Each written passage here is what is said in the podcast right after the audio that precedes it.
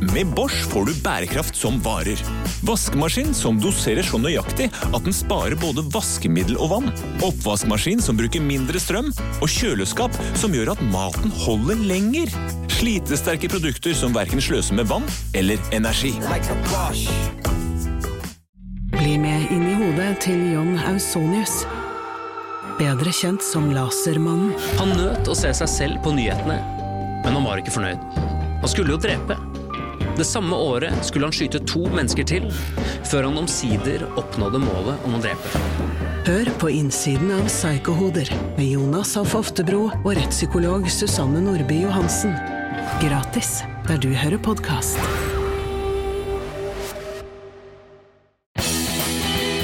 Erlend Gjelvik har nettopp solodebutert med bandet Gjelvik og plata Welcome to Hell'.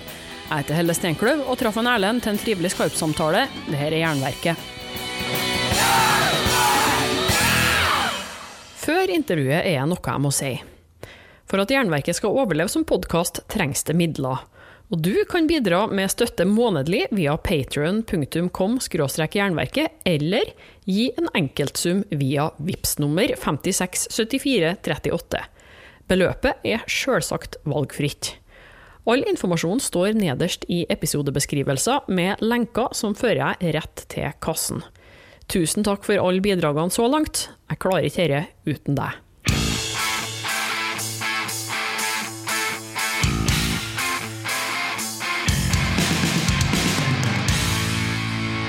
Ja, men da kan vi jo bare kjøre i gang, egentlig. da. Ja. Det er Kjekt at jeg fikk være med på programmet, forresten. Det setter pris på det. Ja, veldig hyggelig at dere spurte òg. Det er jo rett Ja, rundt ja. plateslipp her. Ja, vi vil jo være med på kvalitetsprogrammene, så da må vi spørre. Ja, eh, For dem som ikke har skjønt det allerede, så er det Erlend Gjelvik på tråden her.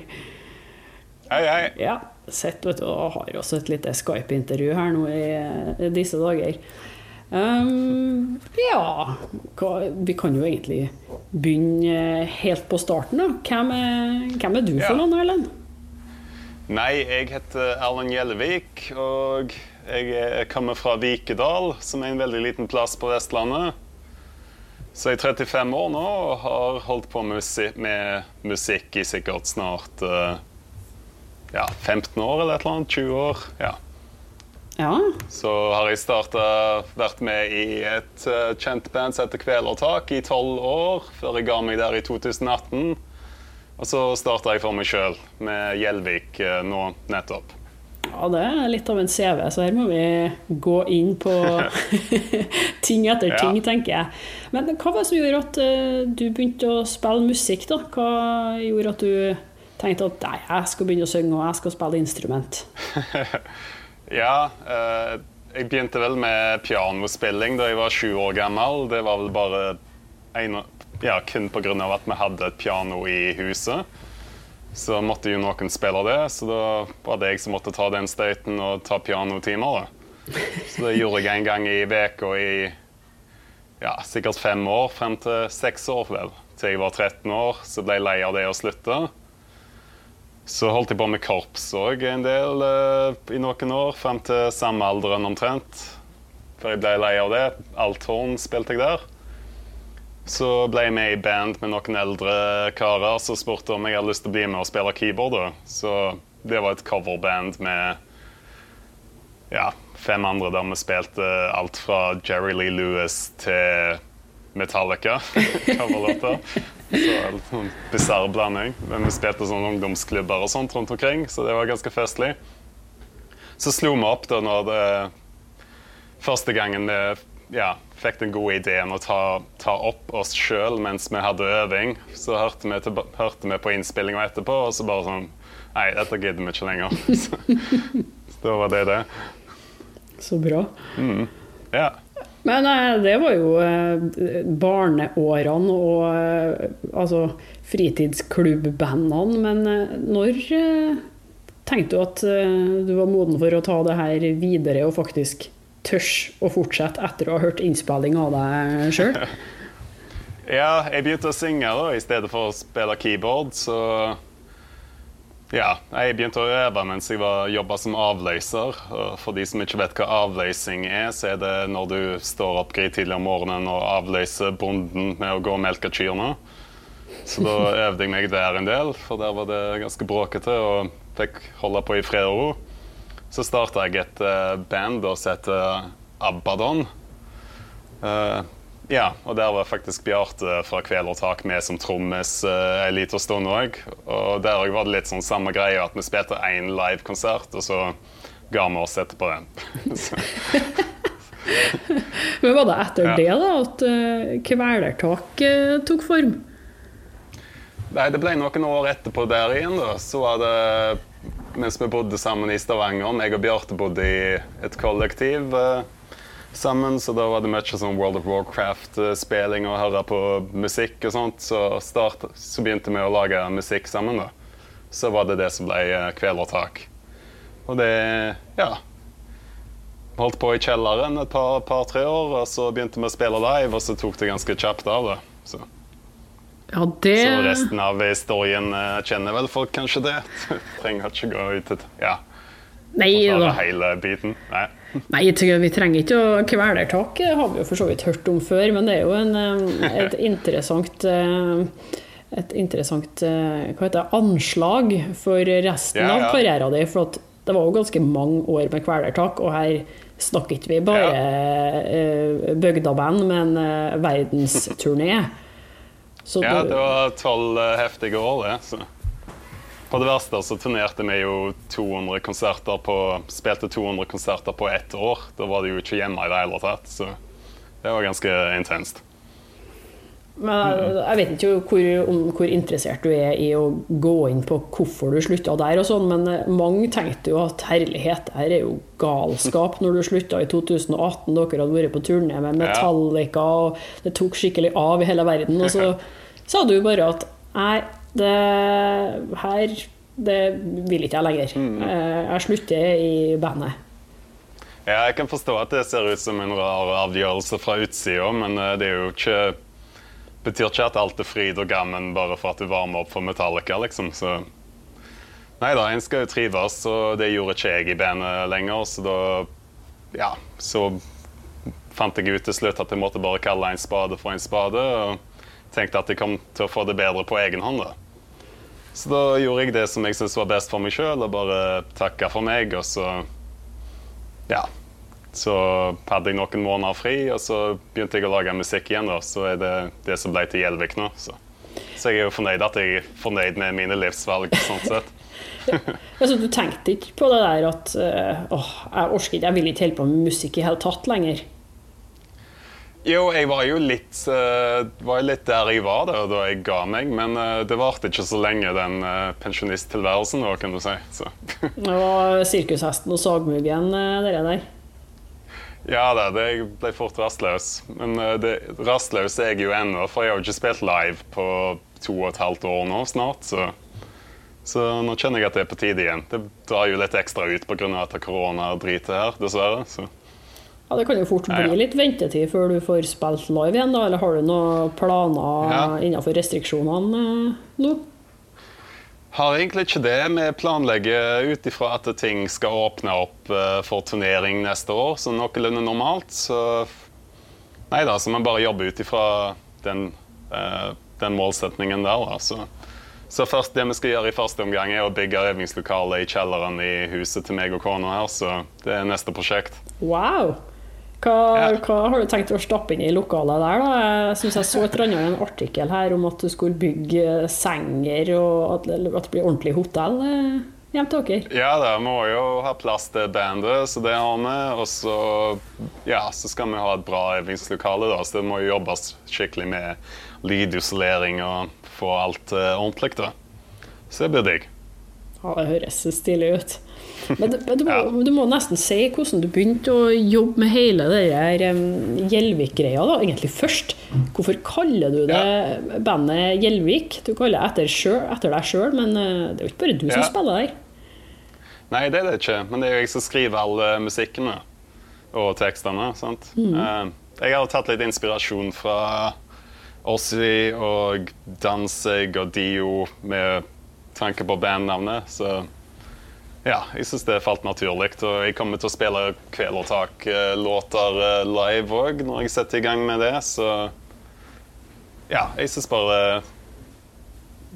eh, Det var egentlig aldri noen tanke å ha et sånt skikkelig bandnavn, og det hadde kjentes litt rart ut òg, tror jeg. Så. Men Det fø- føltes ut som det var det beste valget. Ja, Du vet det, at Gjelvik eh, Jeg fikk jo beskjed fra eh, manageren din, eh, Shelby, om at Gjelvik det skal skrives med store bokstaver for at man ikke skal um, forveksle band og person. Du vet det at Ja. eh, Språkrådet og jeg syns at det er helt feil å skrive egennavn eh, med kun store bokstaver. Det avviker fra Ja, men hvis du er artist, så syns jeg du har lov til å bestemme hvordan du skal skrive ting.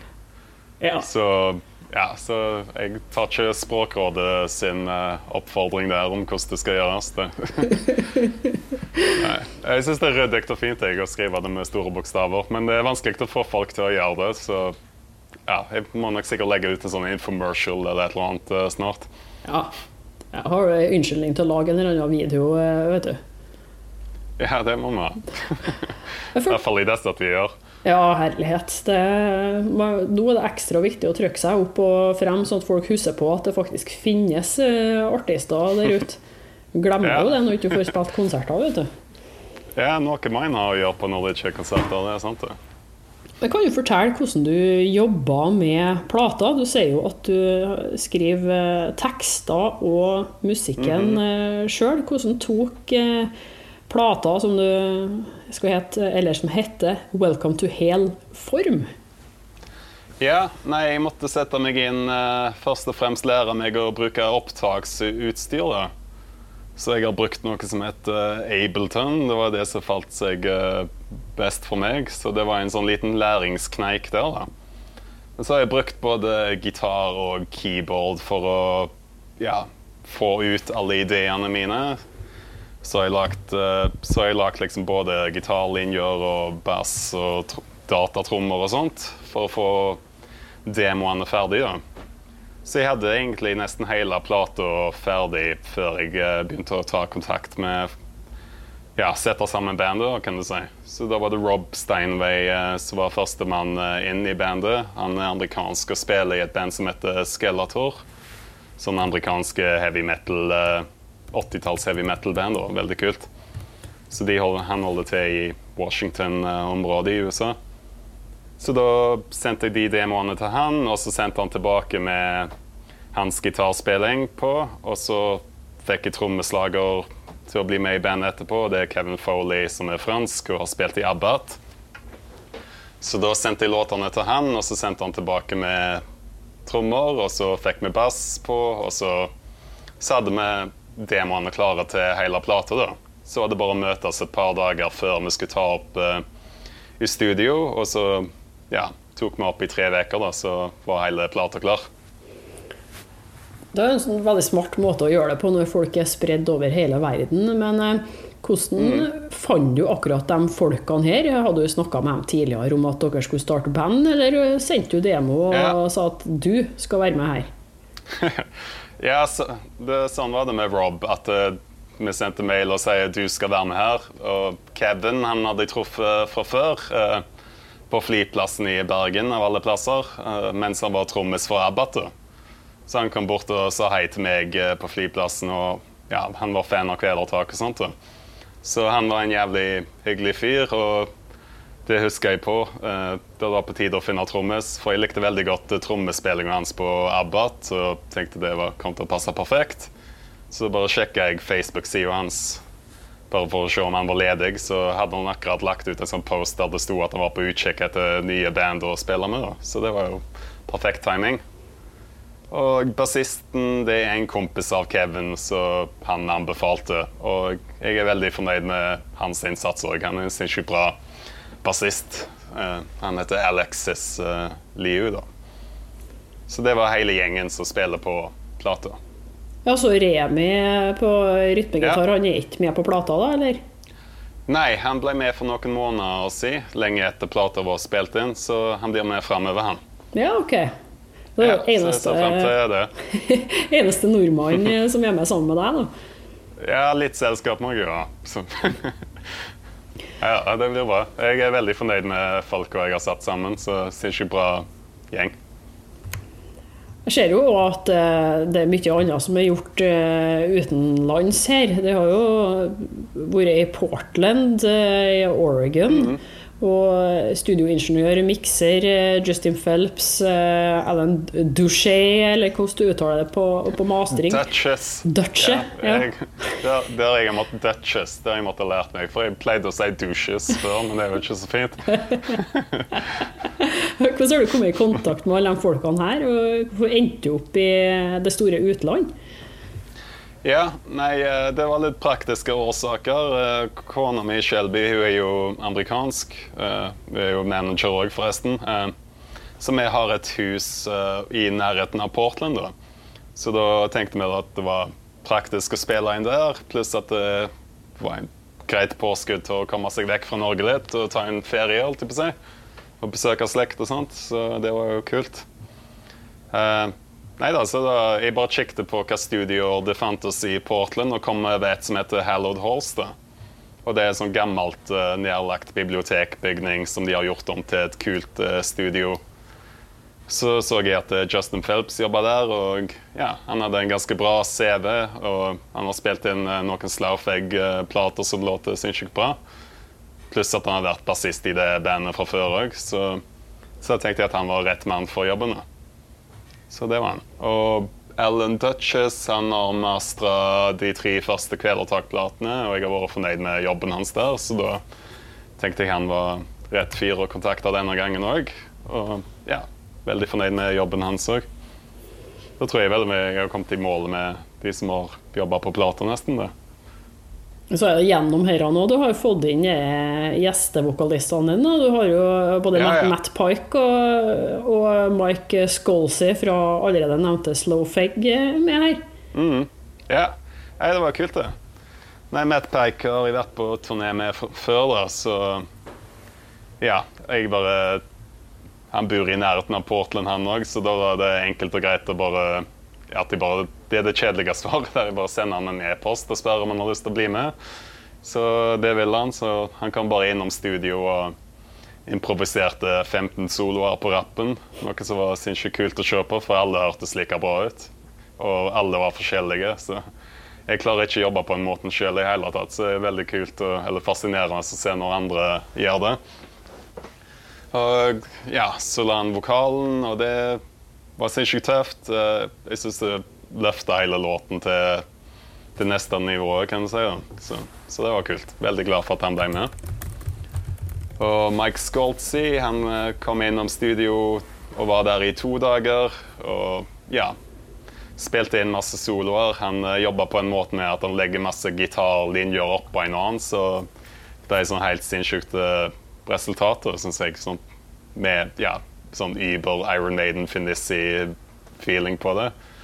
Og ja, enormt kul stemme. Som synger med veldig sånn patos. og så passet den sangen perfekt, og siden den er litt sånn dramatisk og teatralsk, så da var han eh, rett mann å ha på den låten. Så veldig fornøyd med han òg.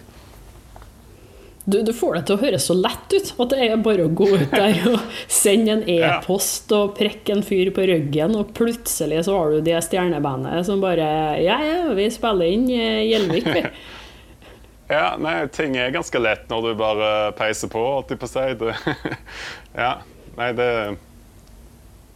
Jeg er overraska over det, jeg òg, faktisk, av at ting har gått så lett, selv om det har vært masse jobb. Men så føler jeg liksom det har gått ganske radig helt siden jeg satte i gang. Så, så det er kult. Ja, for her er jo du banddiktator òg, siden du er den som skriver både musikk og tekster. Så kan jo du styre det ganske mye. Men hvor mye lar du de andre tøyse tøys med det som du sjøl har laga? Om jeg lar de trives? ja, hvor, nei, tøys, altså tull. Hvor Ah, ja. mye frihet får de til å forme det i sitt eget bilde etter at du har laga demoen? Nei, altså de har jo sin uh, spillestil, men uh, jeg vil jo ha det på den måten jeg har sett for meg, da. Så det blir jo pirking og sånt. Så nei da. Det, de spiller det som jeg vil, og vi kommer liksom i mål med å jobbe sammen, da. Så. Mm -mm. Så det har aldri skjedd for deg at du bare skal bli en sånn uh, enmannsband der du gjør alt sjøl, og så kun har uh, livemusikere?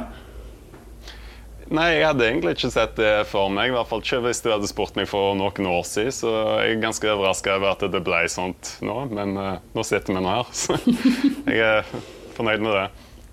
Jeg er, ja, jeg er superfornøyd med den måten med å jobbe med å lage musikken på, og tekster, og få ut uh, ja, låtene, da, holdt jeg på å si. Så det, jeg kommer til å jobbe sånn resten av livet, tenker jeg. Hvordan jobber du frem med låta? Er det teksten eller musikken som kommer først? Musikken først, og det er sikkert uh, eh, pga. at det er en gammel vane der jeg har fått uh, låtene servert, og så har jeg uh, sittet og skrevet tekst oppå det. Og liksom planlagt vokal og sånt.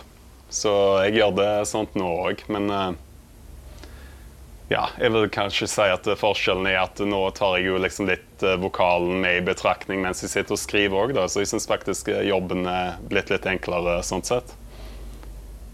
At det henger liksom litt mer sammen, både musikk og vokal, i forhold til hva ting som jeg har gjort før. da. Når jeg liksom bare har fått noe annet som noen andre har lagd. Men det ser ut som at gjennomgangstemaet her er inspirasjonen henta fra det norrøne og mytologien rundt alt det. Mm. Sitter du og leser deg opp på historie derifra, eller er det mer sånn tall fra husken og finne på litt nye historier inni universet? ja, jeg eh, sitter og leser masse bøker. Eh, ja, jevnlig, holdt jeg på å si. Nå holder jeg på med Flatøy-bøkene. Det er en sånn seksbokserie uh, med ganske feite bøker, så jeg er halvveis i den. da. Så jeg ser ikke masse sånne interessante historier uh, der. Både histor historikk og mytologi, holdt jeg på å si. Historie og mytologi, da. Så er det sånn sjukt sånn krysningspunkt der kristendom blir blanda inn med det hedenske, så det blir en sånn ganske sånn uh, bisarr uh, fortellinger ut av det.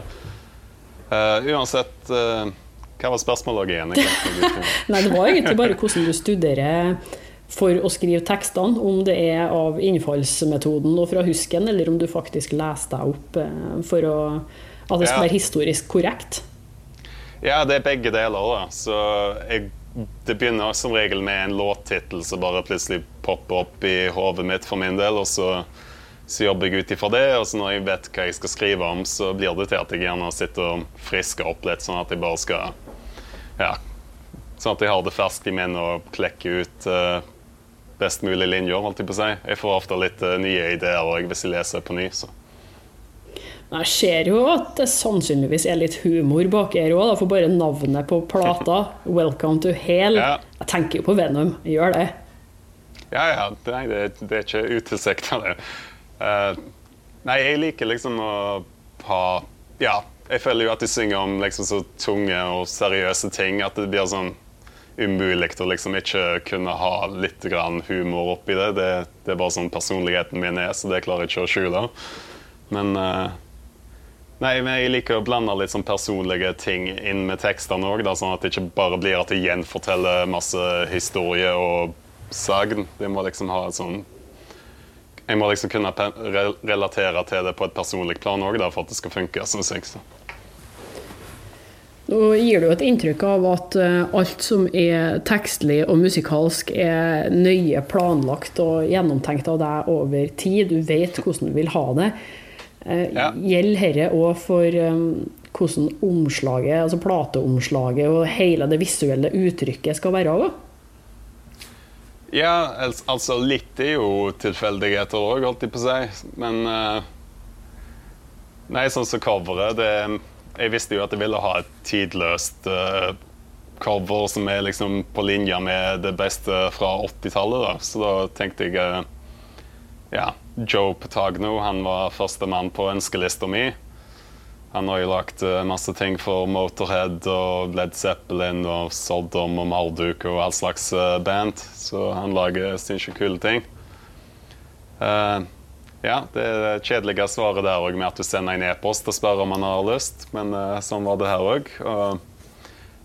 Ja, uh, det var, passet egentlig sinnssykt bra. Han er en sånn 70 år gammel amerikaner som bor i Danmark og er sinnssykt interessert i norrøn mytologi, så det passet som hånd i hanske å ha han til å lage coveret.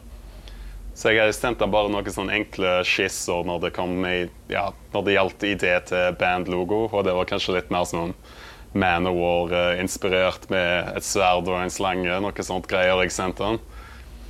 Uh, og så sendte jeg han tekster og demoer, og så gikk det vel et par uker, og så skrev han tilbake og sa at han hadde fått alt klart for seg i en drøm. Og, og så sendte han en sånn svart-hvit skisse av coveret da, med den, den det ulvelogoen og sverdet og ja, framsida av coveret og resten og baksida òg.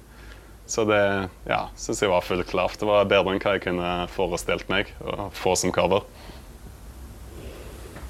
Det er kult når det kommer og bare sier at det kommer til en i en drøm. Ja, det er jo sånn de beste tinga skjer, tenker jeg, da, når det kommer får inspirasjon fra drømmeverdenen. Så. Hva er forskjellen mellom et kjøleskap og et annet? En vaskemaskin og en annen. Denne oppvaskmaskinen i stedet for den. Velger du Bosch, får du slitesterke produkter som verken sløser med vann eller energi. Rett og slett bærekraft som varer. Ungsamtalen fra DNB er økonomisk veiledning tilpasset deg som er ung. Bokk en ungsamtale på dnb.no. slash ung. Det er kjempebra hvis du skal inn på boligmarkedet, hvis det er drømmen din, liksom. Det er det du skulle sagt. Og så kunne du ropt litt mer, da, sånn som jeg gjorde. Bam! Åh.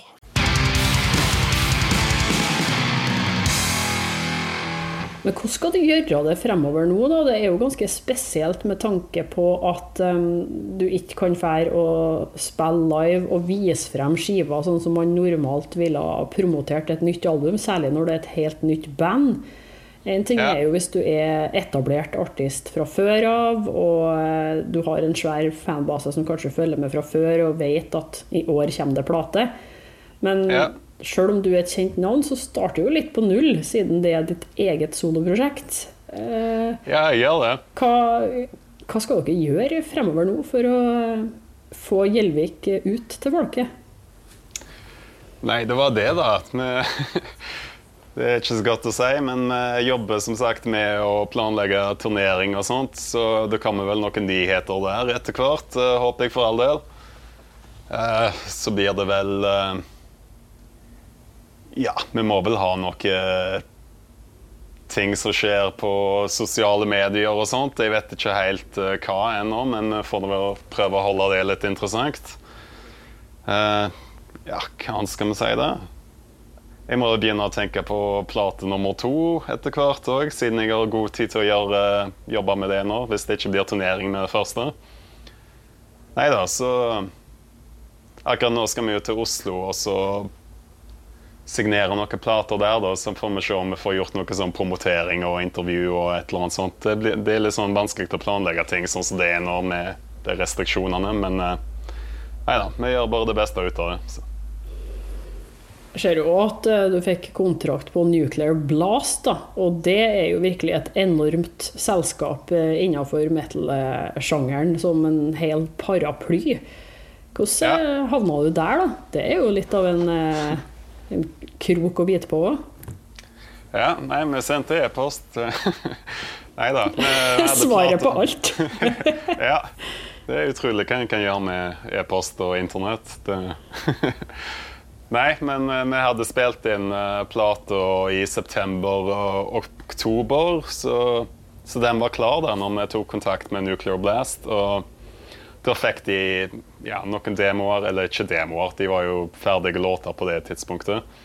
Så vi sendte de tre-fire sanger, og så gikk det vel et par dager, så ringte de opp og ville ha møte. og ja, så begynte vi å diskutere kontrakt og sånt, og så skjedde jo dette koronagreiene midt oppi det, så det drog litt ut av hele greia. For de fikk jo plutselig en del andre ting å tenke på. Men uh, så kom vi heldigvis i mål med kontrakten og signerte med de, da. Så ja, nei, veldig glad for å jobbe med de. Det, jeg syns det er kult at det ja, Én ting er jo at det er verdens største metal-label, men de er uavhengige òg, da. De fleste er jo eid av Sony og BMG eller Warner eller noe sånt, men det er ikke de, så det er jo ganske kult. Og syns jeg har veldig stor eh, frihet til å ja, at vi kan gjøre ting på den måten som vi har lyst til. Så de blander seg ikke opp i ting eller sier at du er nødt for å gjøre noe som du ikke vil. Så det syns jeg er kult. Så du er ikke nødt til å spytte ut eh, fire plater på eh, tre år nå? Nei, nei, det, det er fine forhold. det er ikke noe sånn pisking sånn sett. Jeg ser òg at det har kommet eh, et par musikkvideoer i forbindelse med plateslippet her. Blant annet på Glory of Hell så er det jo en hel eh, Ja. tegneseriefilm, egentlig. Ja. Kan du si litt om den eh, videoen her, og hvordan den kom på plass? Ja, eh, animerte musikkvideoer er jo det letteste å være med på. Så, så det er jo én grunn. Det eneste baksida med det er jo at det er dyrt å lage. Men eh, ja, ja. Nei, men jeg syns det er kult med animerte videoer, og ja. Uh, så jeg vil gjerne ha en sånn, da, alltid på seg. Og da syns jeg det Jeg synes det liksom er perfekt sånn medium for å få liksom uh, med tanke på å bringe norrøn mytologi og de tekstene som jeg skriver om, til livet. Så jeg snubla over de videoene til han som, han som har lagd videoen. Han heter Adam Avia. Så så jeg noen videoer som han har lagd for Toxic Holocaust og band som uh, uh, Ja, Toxic Holocaust og Blood Nei, Red Fang. Ja. Og syntes de var kule og tenkte at han var rett uh, fyr til å lage video for oss. da. Så. Så da var jeg i en sånt enkelt uh, premiss og sendte tekstene om hva, måtte, hva som måtte være med, og så tok han resten ja, og det sjøl, da. Så det er ikke kult resultat, resultat til slutt. Ja, og stilig. Og tok, seg, tok seg bra ut. Og sånne ting jo, det ser jo folk på istedenfor uh, lyric videos. Eller det er mulig det er populært, men jeg har aldri forstått poenget med ren tekstvideo. Nei, det er jo en sånn visualizer, som du kaller det for. Det er vel ikke så masse annet poeng med det, men annet enn at det er noe å se på, liksom. Ja. Nei da, så vi har jo en eh, Vi gjorde jo en lyric-video òg som jeg eh, for så vidt syns ble kul nok, som Kostin Coriano lagde. Så han eh, fra Romania har lagt, lager videoer for all slags band. Så, så jeg syns det Ja, den ble ganske fin, den. Det er noe mer enn svart bakgrunn med hvit skrift i Comic Sans, da. Ja. Nei, det, jeg syns du må le- ha litt, legge litt mer flid i det enn som så. Ja, ja.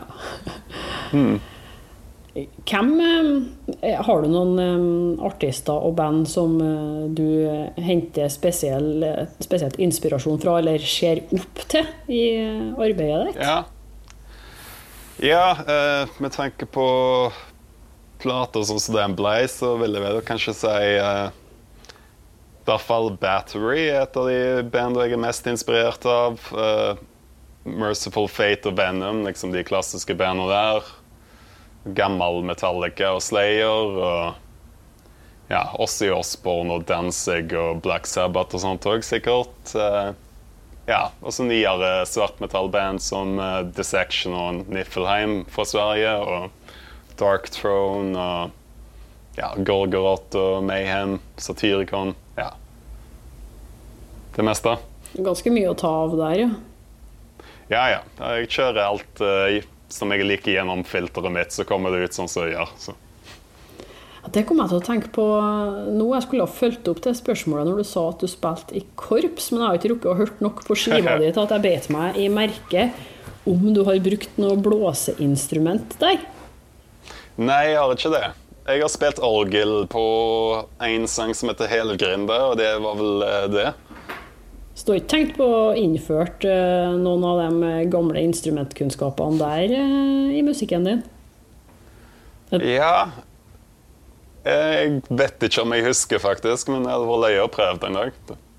Ja, altså det å blæ Det kan- blæse i en lur, det er jo ikke noe som er mer viking enn det. Nei, jeg har, noe, jeg har en, noe horn her hjemme, men det låter jævlig surt eh, fremdeles mens jeg prøver å få god lyd ut av det. Så jeg får se. Nei, det hadde vært kult å gjort et eller annet gøy på neste plate. Har du begynt å jobbe med neste plate, da? Eller er det, har, har du noe som helst tekster eller eh, riff, eh, melodilinjer i hodet? Ja, det, jeg syns det er litt tidlig å snakke om ennå når han så vidt har kommet ut, den første plata. Men eh, jeg kan vel si såpass at jeg har begynt å tenke på den neste, da, uten at jeg ja, kan si så mye mer om det. Men jeg tror ikke det skal bli altfor lang tid å vente på plate nummer to. Nei, for Jeg forsto det som at uh, den skiva som kom ut nå bare for noen dager siden, her, uh, har vært klar ei god stund. Så du har jo blitt Ja. godt kjent med materialet der uh, sjøl. Ja, jeg har gått og hørt på han i et år, jeg nå, så det var sinnssykt digg å få det ut til slutt. Du kan jo bli sånn tussete av å gå rundt og høre på din egen musikk så lenge uten å dele det med folk, nesten. ja, så, så det var kult å få det ut nå. Så. Men det har vært artig, da, for du har fått veldig gode tilbakemeldinger. og Omtrent alt det har skjedd av anmeldelser, er jo eh, oppi Får lukte på toppen. Ja, jeg vil si at det er nesten 90% bra anmeldelser, så det er jeg sinnssykt fornøyd med. Så. Nei, jeg eh, ja, tror ikke det kunne gått eh, bedre, egentlig, sånn sett.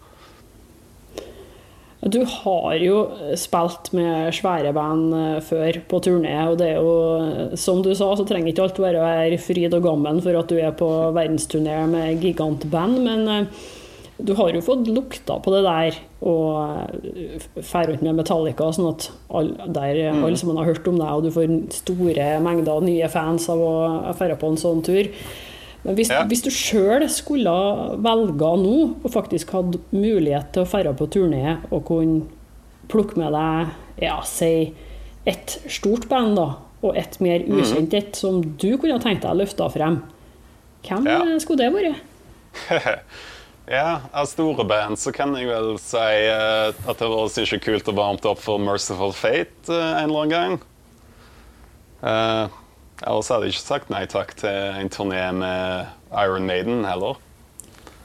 Så Nei da, jeg får si de to. Jeg har mindre band så har jeg ikke lyst til å jinxe det i tilfelle jeg har lyst til å ha de med. Så. Du tenker at de plutselig splitter opp eller eh, blir sur hvis de ikke blir invitert med likevel? Nei, jeg har ikke tenkt så masse på det, men, eh, hvis det, men jeg har ikke lyst til å røpe noe hvis jeg har faktiske planer, da, så jeg holder det for meg sjøl. Jeg, jeg har, gjør, har meg noen tanker om kule band å ta med på turné, da, så vi får se om jeg kan komme med en oppdatering der i nærmeste fremtid. Ja, det blir spennende. Ja. Går det an å avsløre altså, Er det sånn at du gjerne vil at man skal være litt i noenlunde samme sjanger, eller kan du bare gå helt ut av det og ta et band som spiller noe ganske annet enn deg sjøl? Nei, jeg vil jo at det skal være noenlunde samme musikalske landskap. Jeg, ja. Nei, jeg har ikke lyst til å ha med noe samtidsmusikk eller Jeg vet ikke hva jeg skal si. Jeg føler at det må liksom Jeg, vet- jeg syns det er kult hvis du har en turné der alle bandene liksom At det gir litt mening at de spiller sammen, da. Så. Jeg la merke til på Facebook-sida di at du har skrevet at eh, plata vel nærmer seg utsolgt allerede. Ja. Det må jo òg være litt eh, spesiell følelse på første runde. Altså, ja, jeg er veldig, det er veldig glad for, for vi gir jo ut på eget plateselskap i Norge, så vi må jo selge platene for å Ellers sitter vi igjen med en svær regning.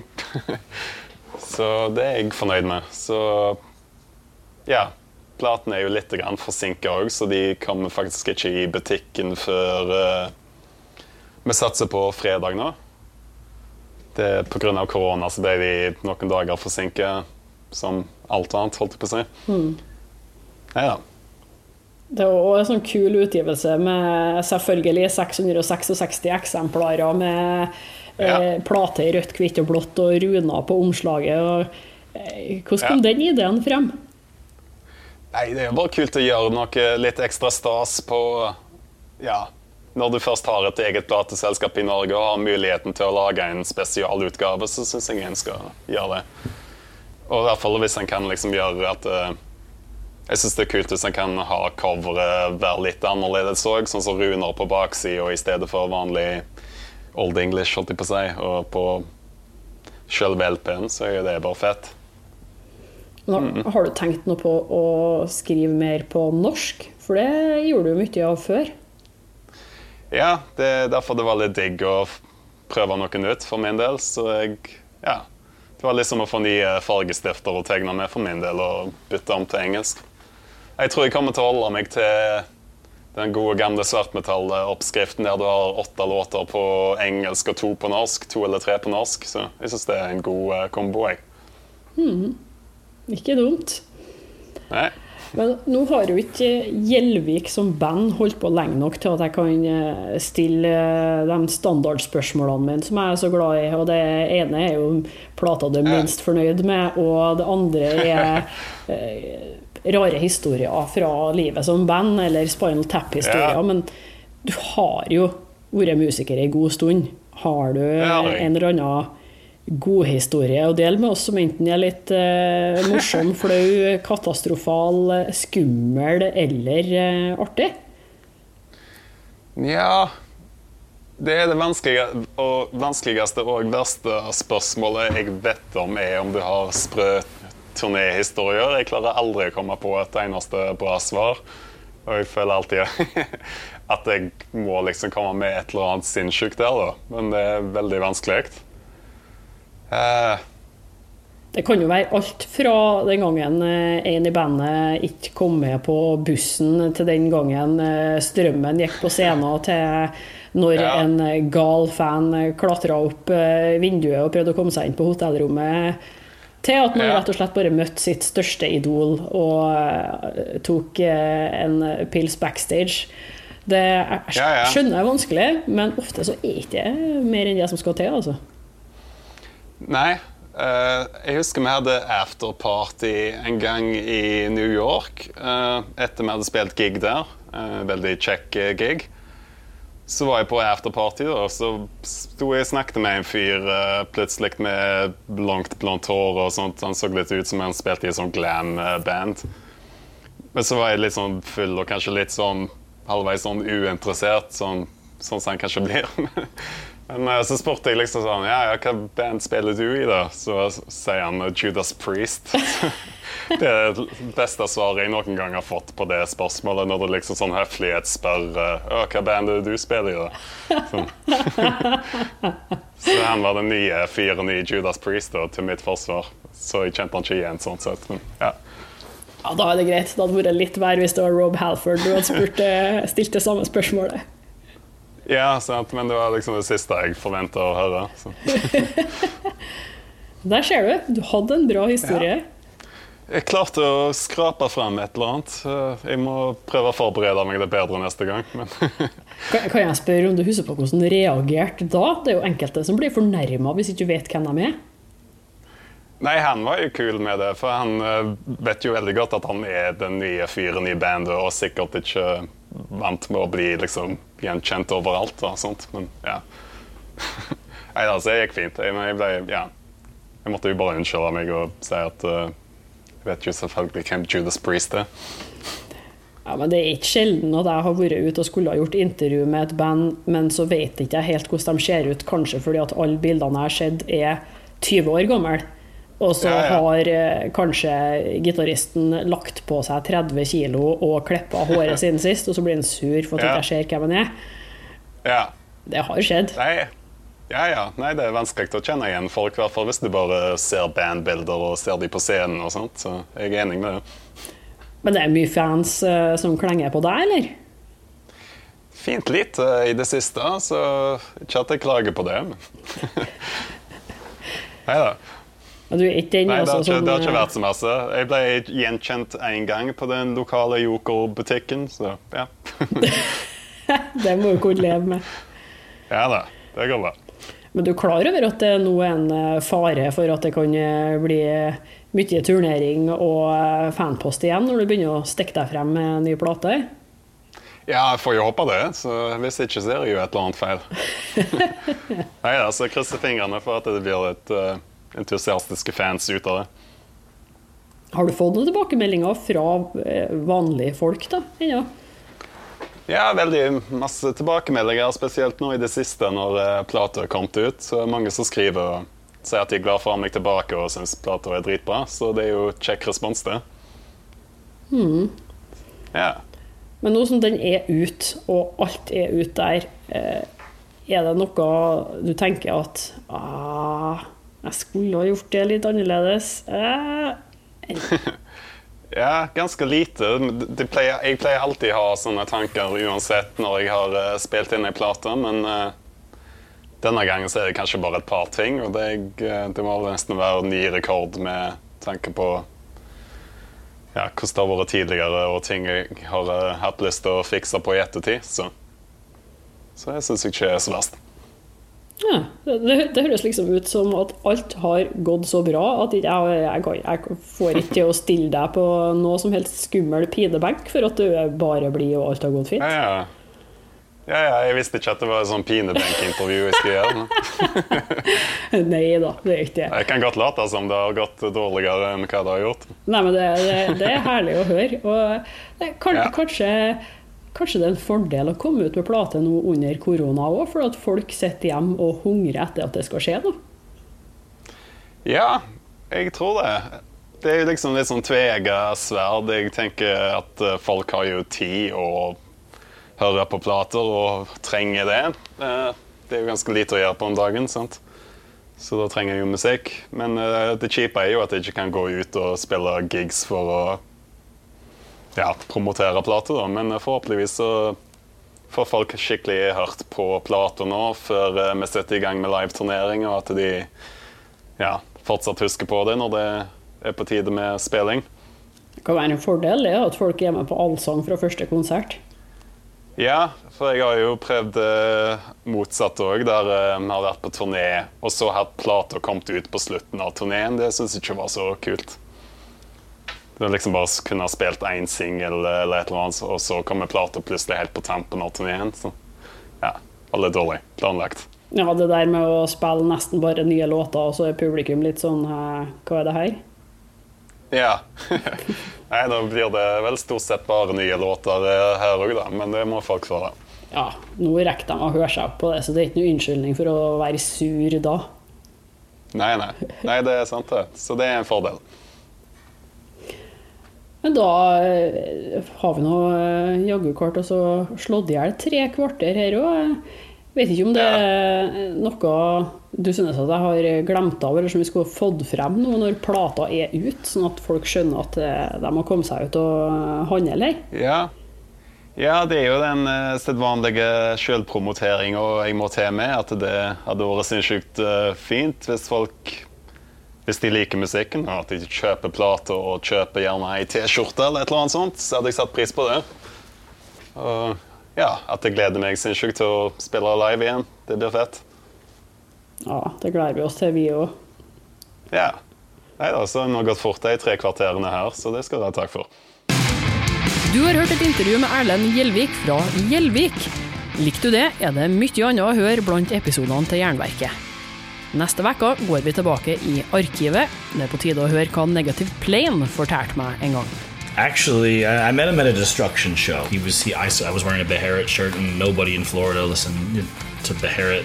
So he was like, "Hey, look, you're wearing a Beharit shirt." And we started talking, and then I told him I needed a vocalist at the time because I couldn't sing and play guitar, and I figured this guy playing the drum machine would eventually get a drum set, which he never did.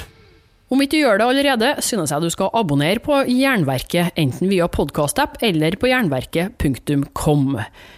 Spre ordet, legg igjen fem stjerner, og hør. Og vil du bidra med litt kronasj for at jeg skal kunne fortsette å lage podkast, kan du gi støtte via Patrion eller Vips. Og husk på å følge Jernverket på Instagram og Facebook for konkurranser, diskusjoner og musikalske tips. Snart begynner julekalenderen, og 1. desember åpnes første luke. Og da har vi en fin premie hver dag frem til og med julaften. Jeg heter Helle Steinkløv og kjører på med et nytt eller gammelt hardrockintervju hver fredag. Vi høres! Ungsamtalen fra DNB er økonomisk veiledning tilpasset deg som er ung. Bokk en ungsamtale på dnb.no. slash ung. Det er kjempebra hvis du skal inn på boligmarkedet, hvis det er drømmen din, liksom. Det er det du skulle sagt. Og så kunne du ropt litt mer, da, sånn som jeg gjorde. Bam! Åh,